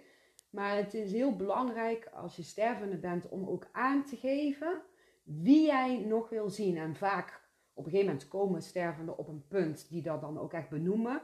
Maar vindt de familie daar dan lullig voor de anderen. Hmm. Maar het is echt belangrijk om daar gehoor aan te geven. Ja. Dus wat, wat me ook nou te binnen Ja, dat vind ik heel mooi wat je zegt. Want het komt zo op die zorgvuldigheid aan. En uh, over afscheid nemen en de juiste manier van afscheid nemen. Ja. En wat jij zegt, met wie wil je dat dan nog? Ja, en hoe wil je, het? Hè? Ja. ja, ja. En wat ook met mij doet als jij zo aan het vertellen bent, wat ik ook wel, uh, dus, dus dank je dat je dit zo even vertelt, wil teruggeven van en, en aan wil geven van het normaliseren van verdriet. Hè? Dat niet iedereen verdrietig is als je huilt, maar dat je ook boos kan zijn en dat alleen zijn, hè, dat dat ook een uh, reactie is. Je terugtrekken, uh, dat uh, verdriet zoveel uitingsvormen heeft. Ja. Dus, dus het is eigenlijk wel heel mooi dat jij dit zo even vertelt, dat ik dat ook even kan. En het is ook voor iedereen anders. Ja. Hè? Voor iedereen is het zo anders, iedereen is uniek. Ja. Uh, dus ja, je, je, kunt, ja, je kunt niet zeggen van zo is het. Hè? Of stel je voor als iemand voor ja, rouwtherapie hier komt. Ja. Of, of, of sterf, een, een, een sterfbegeleidingsstuk. Mm. Eh, dan, dan kan ik nooit hetzelfde doen. Nee. Dat is afstemmen ja. op die persoon en van daaruit voelen wat nodig is. En als je het volgens een boekje zou doen, ja, dan zou het voor mijn gevoel niet werken of zo omdat iedereen gewoon zo ontzettend anders is. Ja, en daarom kun je dit werk niet doen zonder al je zintuigen in te zetten. Ja. Hè, want je, je het, komt zo aan, en dat, dat woord zit ook in mijn hoofd, op zorgvuldigheid. Ja. En uh, dat zeg ik ook altijd, hè, daar zijn geen kookboeken voor. Nee, inderdaad. ja, inderdaad. ik heb hier voor mijn luisteraars heb ik, uh, een boekje en alleen Sandra ziet het. Uh, en dat heet Vingerafdruk van Verdriet. En dat is dus geschreven door Manu Kersje. Eh, en ik kreeg dit boekje op mijn verjaardag toen John zes dagen overleden was. En eh, dit boekje eh, kreeg ik van een buurvrouw. En zij was een van de weinigen die mij feliciteerde. En waarom ik het boekje heb meegenomen, hier begon ook eigenlijk mijn verhaal. Want hierin heb ik veel kunnen uh, lezen dat ik dacht van hé, maar dat klopt en dat herken ik. Maar het boekje heet niet voor niks Vingerafdruk van verdriet. Omdat een vinger, we, hebben al, we herkennen allemaal vingers. Maar de vingerafdruk van mij is weer anders dan die van Sandra, als die van jou. Hè, jij hebt nu of oortjes in je oor, of je bent in de radio aan, of eh, in de auto aan het luisteren. Of, maar die van jou, hè, lieve luisteraar, die is ook weer anders die van Sandra als die van mij. Dus um, het, komt, het is ook zo persoonlijk. En uh, wat ik zeg, hè, er zijn ook wel een aantal thema's die ik, als, als ik lezingen geef, webinars en zo, die ik uitleg en die, die heel universeel zijn, die voor iedereen gelden. Uh, maar het, komt, ja, het is ook zo persoonlijk. Ja. Zo persoonlijk. Super Ja. persoonlijk. Zo grappig, want ik moet even aan het kookboek denken, wat je net zei. Maar ik kan dus ook nooit uit een kookboek precies me eigen houden aan het recept. Ik moet er altijd weer andere kruiden bij doen of iets anders erin mengen. Ja, Ja. en ik kan ook nooit, het, st- nooit hetzelfde Nee. koken, weet je wel. Dus als ik één recept Ja. heb en ik zou hem de volgende dag weer maken, dan is die als altijd anders. Met het gewone leven. Ja, ja. Maar dit boekje, Ja, de, ja. ja. de vingerafdruk van Ja. verdriet, een heel klein, schattig, eigenlijk vrij dun boekje. Ja, ja, Ehm, ja, grote echt- letters ook, of redelijk grote letters, ook pla- eh, plaatjes. En weet je, dit boekje, eh, vaak als, als iemand overlijdt, hebben mensen zoiets van, oh, ik wil wat doen, ik wil wat doen, ik wil wat doen. En dan geef ik vaak als tip van, goh, je kunt dan aan, aan iemand die achterblijft, eh, dit boekje geven als Ja. cadeau. Ja. Want ja, dit heeft mij ontzettend veel geholpen en, en, en dus ook echt letterlijk en figuurlijk richting gegeven aan mijn bestemming. Mooi. eh, wat ik hier te doen heb. Ja. ja, heel, ja. heel mooi. Ja. Hey, ehm, ja, ehm, heb je nog het gevoel van, goh, ik wil, wil, wil nog, nog iets delen? Ja, volgens mij wel, want volgens mij kennen wij heel dag door. ja, ja, ja. Weet je, ik ben eh, gewoon heel eh, dankbaar, Sandra, dat jij mij hebt eh, uitgenodigd hiervoor. Omdat ik eh, ja, een, een, een boodschap heb en die met de wereld wil delen. En de luisteraars hè, die, die geabonneerd zijn op jouw podcastserie. Hè, dat, dat, ja, weet je, dat, dat is denk ik een heel mooi, mooie groep om hier ook weer wat mee te doen. Dus het voelt zo dat er een zaadje is geplant en dat het weer verder mag eh, groeien en bloeien. En, en ik denk dat we, hè, en do- door wat jij doet met jouw podcastserie, eh, je maakt de, de wereld net iets mooier. En Mhm. ik vind het fijn dat ik daar eh, vandaag op mijn manier, met mijn ervaringen, ook een steentje aan heb mogen bijdragen. Nou ja, ik ben super dankbaar dat jij gewoon hier naartoe bent gekomen en dit gewoon zo samen met mij wilt doen en jouw verhaal gewoon zo, zo deelt. En, en ook wat ik ook zo leuk vind, is dat we dan gewoon onszelf zijn en Ja. we zien wel waar Ja. we uitkomen, podcast. Ja, Dus we hebben helemaal niks. Geen niks voor- recept, geen protocol. Ja, eigenlijk zitten we gewoon een gesprek te voeren. ehm, ja, alsof we niet eens een podcast aan het opnemen Nee, zijn. En dat voelt dan gewoon lekker als onszelf. En Ja. heeft hij die ook nog hier drie rode tomaatjes eh, meegenomen in een heel klein schattig bakje.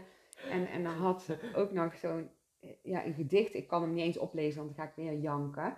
Maar dat is echt een gedichtje heeft ze gemaakt. Echt puur ja, vanuit haar hele ziel en hart. Ja. Ja, en dan kan je toch alleen maar dankbaar zijn Ja. dat, dat je gewoon nou zo samen met jou Nou, een podcast op mag nemen. Ik voel het stromen. Ja, ga je nou ook janken?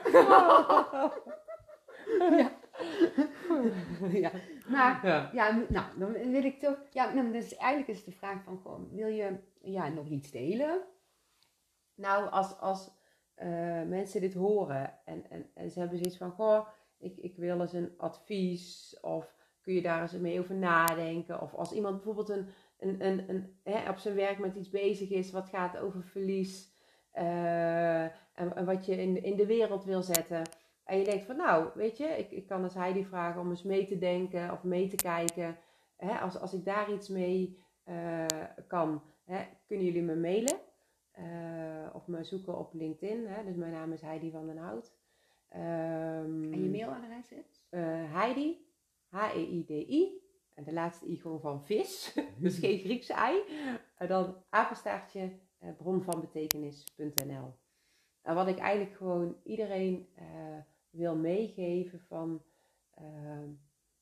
maak verlies in wat voor zin dan ook bespreekbaar. En als je zelf iets hebt meegemaakt en, je, en je, je, je, luistert dit en je hebt iets heel heftigs meegemaakt of iets wat, wat nog niemand anders weet, weet je, je hoeft niet naar een psycholoog of naar een huisarts. Als je, als je zoek iemand um, waarbij jij je veilig voelt en waarbij je, al is het maar één iemand waarbij je je verhaal kan delen, want niks is zo eenzaam als je met een heel groot geheim, een heel groot verlies rondloopt. Ja. Uh, dus dat is ook wel een, een uitnodiging voor hè, de luisteraars die dit luisteren en, en die ja, met een geheim, een, een, een ander soort verlies zitten. Uh, rijk alsjeblieft uit. Hè. Ik weet uit eigen ervaring hoe het kan zijn dat je uh, getroost wordt, geholpen wordt. Ehm, dat. En, maar ook wat voor hobbel het is.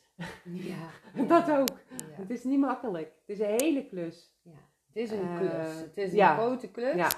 Maar ik heb het gevoel dat um, ja, hoe heftiger de klus is, hoe meer het bijdraagt aan je groei. Ja. ja en wat ik ook nog even wilde zeggen, stel je voor dat je toch uh, heel vertrouwd gevoeld hebt, gevoel hebt bij een huisarts of, of psycholoog, dan is het natuurlijk super uh, oké. Okay, je hebt ook vaak een praktijkondersteuner ja.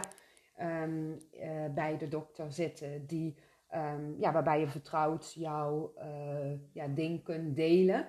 Maar hè, wat hij die wat jij bedoelde is, het is het allerbelangrijkste dat jij een heel veilig, fijn, vertrouwd gevoel hebt bij degene ja, met wie je het wil bespreken. Ja, hè? ja, blijf er niet alleen mee zitten. En ja, natuurlijk, hè, uh, zijn psycho er zijn goede psychologen en huisartsen, huis, uh, praktijkondersteuners. tuurlijk, weet je, als, je, als dat goed voelt, ga daar naartoe. Maar als het nog een drempel te ver is, want dat, dat hoor ik vaak ook bij studenten, hè, dat ze het soms heel lastig vinden om echt uh, naar een psycholoog te gaan. Of, uh, en en eh, zet, zet, maar zet altijd wel de eerste stap. En vandaar, dan, dan, dan kom je wel weer verder. Maar zet die eerste stap. Ja. Dat. Ik, ik heb ook het gevoel dat mensen het moeilijk vinden om naar een psycholoog te gaan, omdat daar dus ook weer een taboe op ligt. Ja. Hè, dus uh, ja. ja, al, al, zou je dat dan vertellen tegen je vrienden of, of familie van uh, hoezo, die is gek hè, als je naar een nou. psycholoog gaat. Ja, nou dat, dat, is natuurlijk bullshit, maar dat is, daar ligt nog wel een taboetje hoor. Nou, en daar wil ik wel even op ingaan. Weet je, ik, ik heb jullie net meegenomen in het feit dat ik ook werkte als psycholoog in de revalidatie. En, uh, en dat iedereen wel wist van wat de diëtist deed, de fysiotherapeut, maar dan kwamen mensen bij mij en dan, ja, jullie kunnen het nou niet zien, maar dan kwamen ze vaak met hun armen over elkaar naar mij. Weet je wel? Zo van. Ja, ja, ja. ja, en dan, dan zei ik altijd, als een van de eerste dingen, zei ik, goh, heb je enig idee wat een psycholoog doet? Zei ik dan. Ja, maar ja, ik ben toch niet gek? Ja. Weet je zo, hè? En tuurlijk, dus die reactie snapte ik volledig. Dus dan zei ik, nee, helemaal niet. En toen, weet je wat ik toen altijd zei, Sandra? Dan zei ik van, uh, Hè, en dat was dan specifiek voor die plek, hè, voor die werkplek. Dan zei ik van, uh, goh, ik zei wat ik vaak hoor, is dat hè, als je bijvoorbeeld een longaandoening hebt, dat, dat mensen ook wel eens angstig kunnen zijn, of somber kunnen zijn, of zich eenzaam kunnen voelen. Hè, dus dat, dat je met een psycholoog eigenlijk gaat kijken van, hoe is het nou voor jou om met bijvoorbeeld kanker te leven? Of hoe is het voor jou om met een andere ziekte te leven? Of met een, een, een moeder te leven die psychiatrische aandoeningen is, heeft. Dus een psycholoog kijkt met name eigenlijk van ja, maar hoe is het nou voor jou en waar loop je tegenaan? Ja. En kan dan met je meedenken. Ja, hoe ga je daarmee om? Precies, ja. precies. En dus ik wil hier ook echt een, taboe doorbreken, zou ik maar zeggen. Ja, dat, ik ook. Dat, dat, ja, dat, dat psycholoog bedoel, ja, hé, hey, ik ben er ook één. dat is ook een van de dingen die ik heb gedaan. Maar uh, hè, psychologen zijn juist om, om echt, ja, wat je ook zegt van, hoe ga je ermee om? En je bent niet gek. Nee, sterker nog, ik vind het heel sterk ehm, als je eh, naar iemand toe kan gaan, wil gaan. Eh, weet je wat ik altijd zeg? Vind ik zo mooi. Kracht door kwetsbaarheid. Mooi gezegd. Ja, dus, dus juist, juist een kracht, maar verrekte lastig, zo Brabants gezegd, om je wel kwetsbaar op te stellen. Want alleen dan kan je geholpen worden. Als ik niet laat zien hier bijvoorbeeld, hè, of aan iemand, dat ik verdrietig ben, ja, dan gaat niemand mee troosten. Nee, nee. Maar weet je dat, dat mensen, als stel je voor je bent verdrietig of je bent boos of Ja. wat voor niet leuke emotie die Ja. je niet wil laten zien omdat je je sterk wil houden. Je zendt het uit. Ja. Je, je zendt dat uit terwijl je het toch verdenkt met je punthoofd te verbergen. Maar iedereen, Ja. iedereen, ook al kan die niet bewust voelen en voelen ze het onbewust, voelt die energieintentie. Ja. Dus stel je voor, je hebt sup- bent super verdrietig, maar je wil je groot houden ten opzichte van wie dan ook, eh, wie er voor je neus staat. Eh, mensen voelen dat je verdrietig bent en het, het, het sterk opstellen komt helemaal niet eens Nee. aan. Of soms dan kan iemand Nee. een beetje het gevoel hebben van, hè, eh, het, ik heb het gevoel dat het helemaal niet klopt wat jij zegt. Ja. Maar dat, dat, dat klopt dus ook. Ja. Maar, Ja, maar, maar weet- daar heb jij Ja. zelf helemaal niks aan. Nee. Want dan hou je jezelf straal voor de gek en de ander ook. En dan is het alleen maar energiekosten. Nou, ik wou het, het kost zoveel energie. Weet je, ik, als, als, zal ik als laatste voorbeeld, want als je je kwetsbaar kan, kan opstellen, hè, moet ik zeggen, het is een klus, dat verbindt ook. Ik eh, moest een keer lesgeven en dat was juist op de sterfdag eh, van John.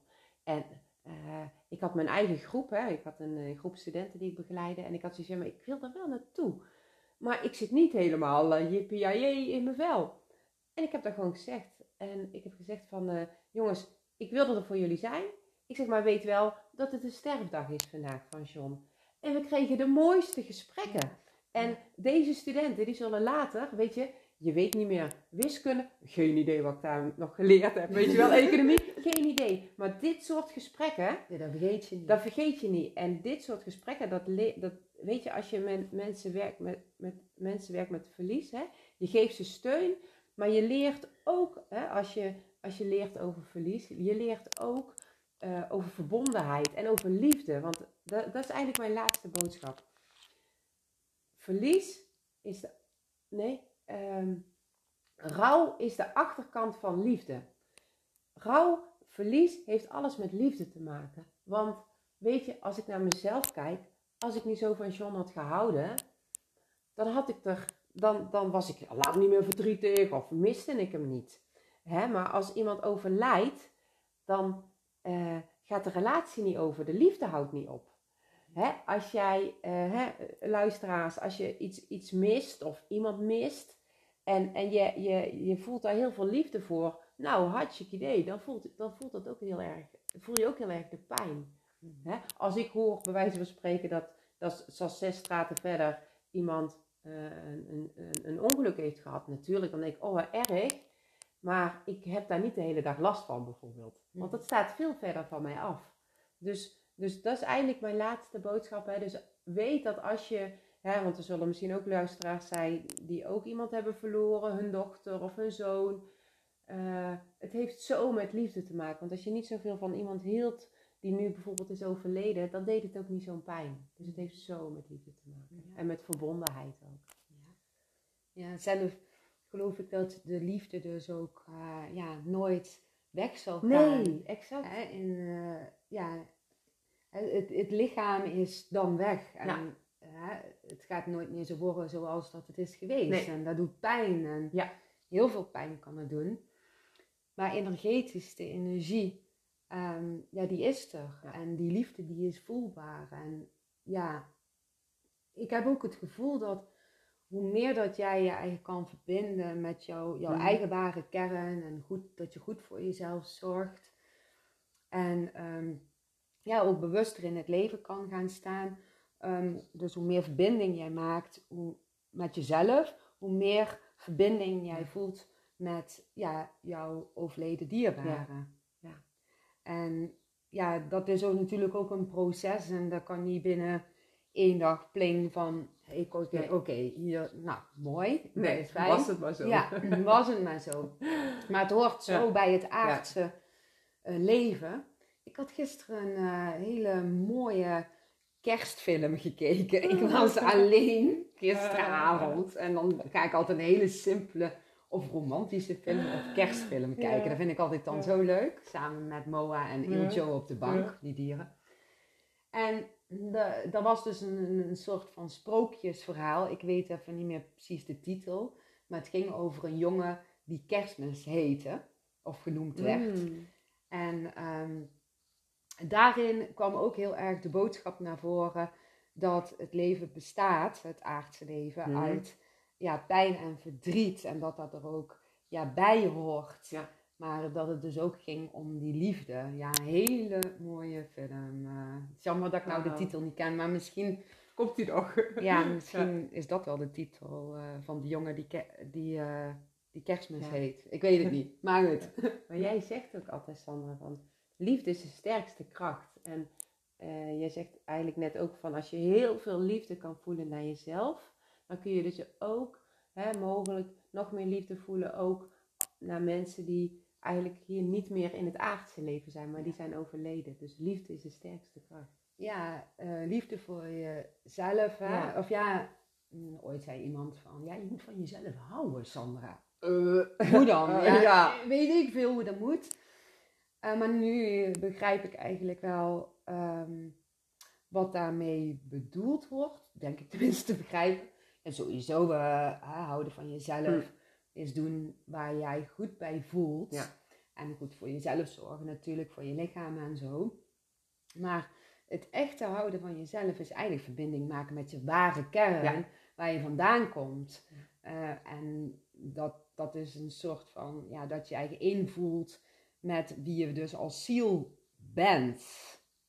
En ehm, ik kon daar eerst ook allemaal niet bij komen en snapte helemaal niks van. Hè? Dus ik kan me eigenlijk voorstellen, misschien als jij nou luistert van, huh, wat zeg je nou? maar het kan zomaar gebeuren dat je dit gaat begrijpen en gaat voelen eigenlijk. Ja. Dat is misschien beter gezegd. En dat gevoel is ook weer niet in woorden uit te drukken, want dat is gewoon zoveel meer als het aardse, als de aardse werkelijkheid. En als je dat kan voelen, dan ben je met alles verbonden. En, en met de bron, met de overleden mensen, met ik weet niet wat voor energie nog meer. Maar dan voel, en ook de aardse energie en, en, en zelfs een boom of een grasprietje. Maar je bent met alles en iedereen verbonden. Alles is één. Ja, en dat is, dat is zo'n liefdevol gevoel. Daar zit ook geen afscheid of daar is helemaal geen verlies. Maar hier in het aardse leren we wel, of ja, leren we niet. Nou ja, voelen we, ervaren we verlies. Dat is een echt een aards iets. Maar als je eenmaal zeg maar die ware verbinding kent met jezelf of voelt, ja, dan, dan, dan, dan is daar gewoon er niet meer zo als dat het eerst was. Ja, dat is lastig om uit te leggen. Ja. En want toen ik dat nog niet had gevoeld eerder, toen vond ik het ook heel lastig. En ik heb veel verlieservaringen gehad in Ja. mijn leven. Ehm, ja, van, van hè, dat, dat iemand dus ineens weg is. En ik begreep het niet. Maar als je er op een gegeven moment bewust van gaat worden, ja, dan ziet het er allemaal zo anders uit. En eh, ja, dat vind ik altijd wel, hè, als iemand daarvoor open staat, vind ik dat natuurlijk hartstikke gaaf om iemand daar een stukje ja, in te begeleiden in dat proces. Ja. Dat is wel echt ook mijn ding, zeg maar. Dat vind ik zo mooi. Maar ja, niet altijd is iedereen daar klaar voor Nee, of rijp nee. voor. Maar ja, ehm, ja, wat zeg je? Ja, die tomaten. Oh, jij wijst ja. naar de tomaatjes. Ja. Ja, er, zit, hier- er nog steeds een bakje tomaatjes. En, Zoveel rijp. ja, ja. ja. Ja. Maar goed, je kunt er soms ook zijn voor mensen die nog niet zo eh, in die, die, die rijpheid zitten. mhm. En laatst had ik ook iemand eh, op mijn pad, een vrouw en, en haar man eh, had ze verloren, maar ook een, een, een, liefde had ze nagevonden. Maar dat is dus uitgegaan en ja, ze vond het verschrikkelijk om alleen te zijn. En ja, dan gaan we samen kijken van hoe kunnen we in kleine stapjes ehm, eh, ja, toch bewust worden, zeg maar, van hoe je verbinding met jezelf kunt Hmm. maken. Maar het gaat om een hele kleine stapjes. Ja. En eh, ja, dat telt dus voor iedereen anders. Ja. Ja, Zo. nou, eh, we gaan hem afronden. En eh, ik heb het gevoel dat we toch nog wel eens een keer meer een podcast op gaan nemen. Nou, Wat ook leuk is, heel dat graag. had ik laatst eh, ook ehm, eh, toen ik een gesprek had met eh Marieke. Ja, ik heb met twee Mhm. Mariekes een gesprek gehad, maar één van de Mariekes. Ehm, of misschien wel alle twee, nou weet ik het niet meer. Maar in ieder geval had ik voorgesteld van, goh, mochten jullie nou hier vragen over hebben, hè? of misschien hebben jullie wel vragen over eh, verlies, ehm, dat je die kunt mailen naar mij of naar Heidi.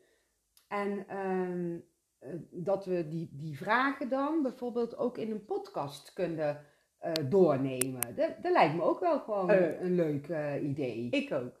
Ja, Ja. dus ja, hè, ehm, mail eventjes naar Heidi of naar mij. Ik zal de mailadressen wel eventjes erbij schrijven dadelijk als ik de podcast ga omschrijven. En ehm, ja, dan, dan gaan we gewoon de meest gestelde vragen eruit halen. Want misschien krijgen we wel zoveel, of krijgen we wel zoveel vragen binnen dat we twintig podcasten moeten maken. Dat is dan wel een beetje veel. Dus we halen de, de vragen eruit. ehm, Ja. ja hè, de meest gestelde Ja. vragen eruit. En dan, eh, ja, dat vind ik wel leuk om, om, om Ja, te doen. ook. Dan zeg ik gewoon tot de volgende keer. Ja, tot de volgende keer. Houdoe. ja, en houdoe. En, en super bedankt eh, Ja. voor het luisteren. En ja, we wensen jullie heel veel eh, liefde en al Ja. wat moois eh, op je pad. Dag luisteraars. Tot de volgende Dag. keer. doei doei. Doei. doei.